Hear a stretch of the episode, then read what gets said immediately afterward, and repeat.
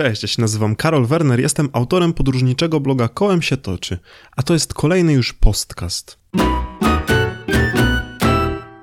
Postcast, czyli post w wersji audio, abyście mogli nie tylko czytać bloga, ale także posłuchać go podczas jazdy na rowerze, biegania, gotowania lub w drodze do pracy czy na uczelnię. Jest to nowość na moim blogu i mam nadzieję, że Wam się spodoba.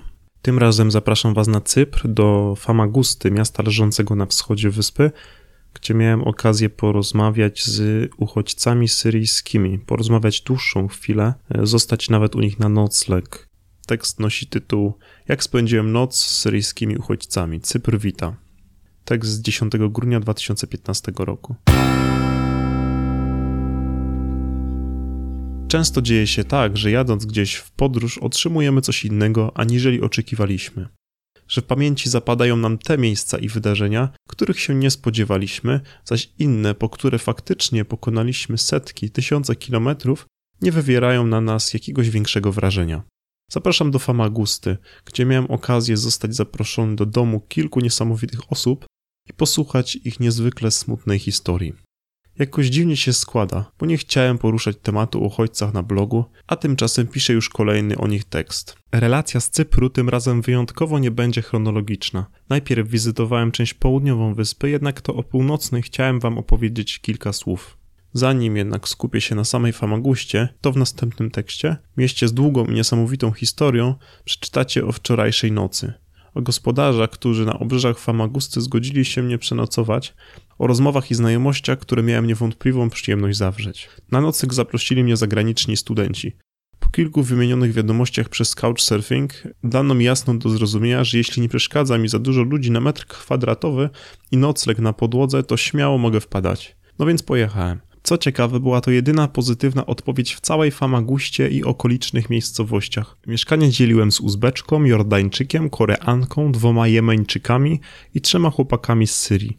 Wszyscy są studentami, jedni z pasji, drudzy z wyboru, ale o tym za chwilę. Nie wiedzieć czemu postanowiono posadzić mnie na najszerszej, postawionej w centrum tarasu, jakby przygotowanej specjalnie dla mnie pufie. Zjedliśmy wspólną kolację, podczas której w akompaniamencie jakiejś instrumentalnej muzyki bliskowschodniej rozmawialiśmy do późnych godzin wieczornych. Rozmawialiśmy długo o wszystkim i o niczym. O pasjach, piłce nożnej, życiu studenckim. Tematy raczej niezbyt wyszukane, Zresztą najpierw trzeba się nieco poznać. Na niebie przewalały się ciężkie chmury, co chwila wiatr zwiewał w naszym kierunku drobny, sporadycznie padający deszcz, zaś z oddali, gdzieś od strony Syli, zbliżała się pobłyskująca co kilka chwil burza. Rozmawiać przyszło nam w nieciekawych, mało optymistycznych okolicznościach. Może też z tego powodu, nieświadomie i całkiem niechcący, w pewnym momencie pokierowałem rozmowę na niezbyt przyjemny temat. Co planujecie robić po studiach? Wypaliłem do chłopaków z Syrii i już po kilku chwilach poczułem się strasznie głupio oglądając ich nagle smutniejące twarze. Przecież to takie naturalne, normalne, niewinne pytanie wydawało mi się. Czy chcą pracować w zawodzie, czy ciekawi ich to, co studiują, czy chcą zostać po studiach na Cyprze? No właśnie. Wprawdzie nie bezpośrednio, bardzo naokoło, ale zapytałem ich o wojnę, zmusiłem do odtworzenia pewnych zdarzeń, przywrócenia wspomnień, do których nie chcą być może wracać którymi z pewnością nie chcą dzielić się, zwłaszcza ze mną. Poczułem się wybitnie nie na miejscu, najchętniej to zapadłbym się pod ziemię. Okazało się, że moi nowi syryjscy znajomi chcą jednak o tej wojnie mówić, co jeszcze bardziej potęgowało moje zmieszanie całą zaistniałą sytuacją.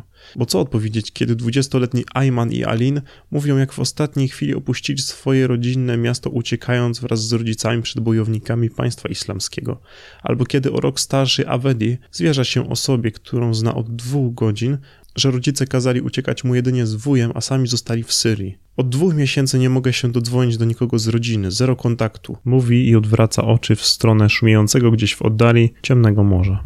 Wszyscy pochodzą z jednego z największych miast Syrii, leżącej nad rzeką Eufrat Arraki. Z miasta o bogatej historii, miasta, które do 2013 roku jest pod zupełną kontrolą państwa islamskiego. W marcu zostało one ochrzczone stolicą ich fanatycznego tworu, zaś moi młodzi gospodarze wyjechali z niego zaledwie 1-2 miesiące przed tym wydarzeniem. Wszyscy przyjechali tutaj na studia. No chwalić sobie Cypru nie mogą. Piękny kraj, spokojny, studia na wysokim poziomie, w międzynarodowym towarzystwie, intensywne kursy nauki języka angielskiego. Dziesiątki tysięcy studentów przyjeżdżają na Cypr co roku. Ci, co mogą otrzymać wizę Schengen, przyjeżdżają na południe, ci zaś pochodzący z krajów Bliskiego Wschodu, Afryki czy też Azji, najczęściej osiadają na wcale nie gorszej części północnej. Co planują robić po studiach? Wszyscy zgodnie odpowiadają, że nie mają pojęcia, ale z pewnością do Syrii nie wrócą. Są to i tak ludzie wielce szczęśliwi, że mają okazję jednocześnie pozostawać daleko od piekła tej wojny, z drugiej zaś strony uczyć się i zwyczajnie z godnością żyć. Zdecydowanie nie są to uchodźcy bez dachu nad głową, bez pieniędzy i możliwości, choć w żadnym stopniu nie pomniejsza to oczywiście ich wielkiej tragedii. Mimo, że typowych obozów dla uchodźców na Cyprze praktycznie nie ma, to ludzi z historiami podobnymi do tych trzech chłopaków można bez pewnością znaleźć wiele więcej. Są to z reguły ludzie młodzi, których rodziny stać było na ufundowanie studiów, rodziny, rodziny, które złożyły się na ich wykształcenie, a same pozostały w swojej ojczyźnie.